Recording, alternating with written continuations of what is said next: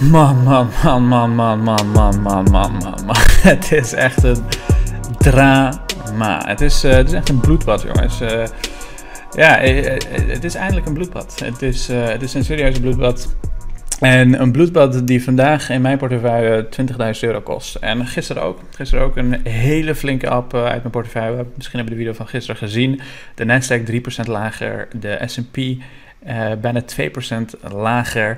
En de beurzen in Europa zijn nog niet eens geopend. En tijdens deze video gaan we bespreken waar dat door komt. En wat mijn persoonlijke verwachtingen zijn. Want um, ja, dit, dit, is best wel een heftige daling. Kijk, uh, sommige bedrijven in mijn portefeuille zijn letterlijk 10, 15, 20 procent uh, gedaald. En voor mij persoonlijk, zoals je weet, ik heb de afgelopen tijd al heel wat video's gemaakt waar ik heb uitgelegd. Ik hou cash bij de hand. En wanneer ik kansen zie, koop ik bij hem. Daar heb ik over de loop van de afgelopen weken al gedaan. Een aantal uh, nieuwe verse aankopen. een aantal bedrijven die ik bij heb gekocht om. Uh, dat ik vind dat ze de komende tijd het waarschijnlijk goed gaan doen. Um, en dat zal ik ook wel de komende tijd blijven doen. Ik ben een beetje aan het nibbelen. Dus een beetje langzaamaan mijn cash aan het uh, deployen. Ik heb best wel wat cash achter de hand uh, gehouden.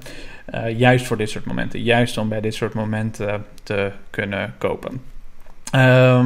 Dat, dat zal ik ook over de loop van de weken dus blijven doen. Maar we gaan het hebben over wat er precies aan de hand is. En wat mijn persoonlijke verwachtingen zijn de komende tijd. En zoals, zoals altijd, geen enkel vorm van advies. Het is puur en enkel mijn mening. Ik ben ook maar een iemand die gewoon een mening heeft over wat er eventueel op de beurs zou kunnen gaan gebeuren. En wat er dus gebeurd is, is dit. Um, Fed Minutes, oftewel de notulen van de vergadering van de Federal Reserve, zijn naar buiten gebracht. En uh, Fed Minutes suggests officials are primed to move away from easy policy stance. Nou, we wisten al dat ze de rente gingen verhogen. Uh, drie keer zelfs waarschijnlijk dit jaar. En dat de noodsteun zou worden afgebouwd. Maar er zijn verrassingen. Er zijn verrassingen uit die natuurlijk gekomen. En zoals je weet, de beurs beleggers houden niet van verrassingen. Want heel veel van de. Uh, ja, heel veel wat er op de beurs gebeurt bij institutionele partijen is het kunnen incalculeren van de waarderingen van bedrijven op zijn minst de komende half jaar uh, of een jaar verder. De beurs is altijd, kijkt altijd vooruit, op zijn minst een half jaar uh, tot een jaar. En als er verrassingen zijn, als er dingen zijn die in die waarderingen dus niet mee zijn genomen, dan krijg je dit soort En er zijn dus dingen die daadwerkelijk verrassend zijn. Laten we kijken naar wat die precies zijn en um, hoe dat mijn persoonlijke strategie ook zou kunnen veranderen. Dus een van de dingen die je, uh, of misschien kunnen we even uh, van het begin beginnen. Federal Reserve officials saw a strong economy. Faster inflation opened for the raising interest rate this year, according to the minutes of their December meeting. Dus ze zien een hele sterke economie. Door die sterke economie is er heel veel vraag naar heel veel verschillende producten en er is heel veel geld in de markt. En dat zorgt voor een hogere inflatie.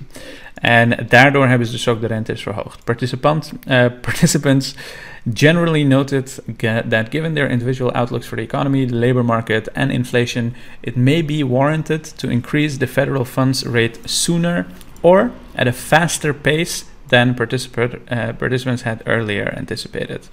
Dus wat uit die natuurlijk eigenlijk is gekomen, is dat ze verwachten dat ze de uh, rente waarschijnlijk nog veel sneller verhogen dan dat we eigenlijk denken. Er zijn heel veel mensen die. Zo, de Fed is eigenlijk een, een, heel groot aantal economen die bij elkaar zitten en die beslissingen en meningen heeft over, van alles en nog wat. een groot gedeelte van de mensen denken dus dat uh, die in de Fed, uh, de, in de Federal Reserve zitten denken dus dat we waarschijnlijk nog veel sneller moeten gaan, uh, de rente moeten gaan verhogen. En uh, dat die rente verhoogd moet worden, betekent dus ook dat waarderingen anders moeten worden uh, herbekeken. at, the Fed, at the meeting, Fed officials had a wide-ranging discussion of how to move policy away from its current easy stance, including when to start shrinking its 8.6 trillion dollar balance sheet. En dit is een hele belangrijke, want als de balance sheet beginnen te shrinken. Uh, dat betekent dus dat ze waarschijnlijk al die verschillende obligaties, bonds, treasuries enzovoorts die ze hebben gekocht de afgelopen tijd, dat ze die gaan verkopen. En als die verkocht worden, dan gaan de yields, oftewel de rendement die je krijgt op obligaties en dergelijke, die gaan omhoog. En mensen kiezen dan liever voor veiligere obligaties die uh, ook wel eens als risk-free assets worden genoemd. En als je voor veiligere obligaties kan kiezen, die laten zeggen 2, 3, 4 procent aan rendement ieder jaar geven, waarom zou je dan hele risicovolle beleggingen gaan doen? En dat is wat er dus nu daadwerkelijk aan de hand is. Dus voor hele risicovolle beleggingen, voor beleggingen die echt heel speculatief van aard zijn, daar is dit echt ontiegelijk slecht nieuws voor. Um, maar goed, laten we het zien. Um, some were eager to start to reduce the balance sheet, which is another form of tightening uh, monetary policy.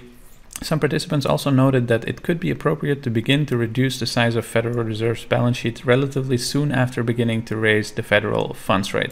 Het gaat waarschijnlijk in de komende maanden al gebeuren dat de eerste uh, rate hike gebeurt, dus dat de, de, de, de rentes worden verhoogd. En daarmee zeggen ze dus dat het nu al waarschijnlijk gaat gebeuren dat ze de um, bonds beginnen te verkopen. That is faster than the last cycle in 2015.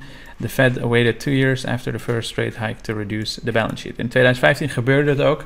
En het grappige is in 2015, omdat de economie zo ontiegelijk hard aan het groeien was, um, had niemand er last van. De beurs ging gewoon omhoog. Dus en de, uh, de Fed die begon hun balance sheet te verlagen, dus uh, obligaties en dergelijke te verkopen.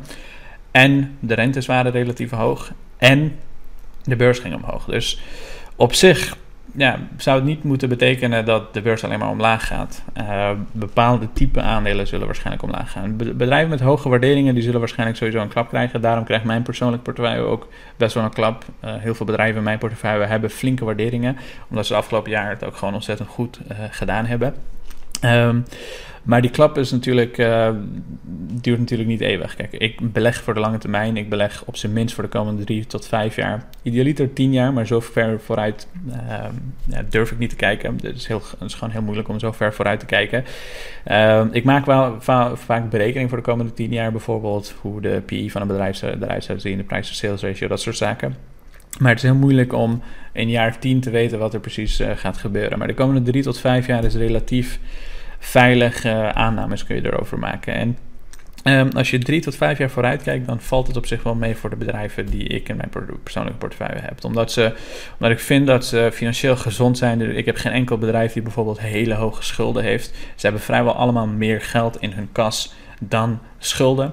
En ze hebben over het algemeen een redelijk sterke marktpositie die van allerlei verschillende scenario's in de economie moeten gaan profiteren. Dus ook al zou de Fed de rentes verhogen en hun balance sheet uh, verlagen, dan nog zouden ze profiteren van al die verschillende bedrijven die in een goede economie gaan investeren in bijvoorbeeld een CRM-systeem, in bijvoorbeeld een HRM-systeem, in uh, bijvoorbeeld hun cybersecurity en dergelijke. Dus die bedrijven die het economisch goed doen, die zullen dus ook dat geld waarschijnlijk gaan investeren in het bedrijf om het te digitaliseren en verbeteren en beveiligen.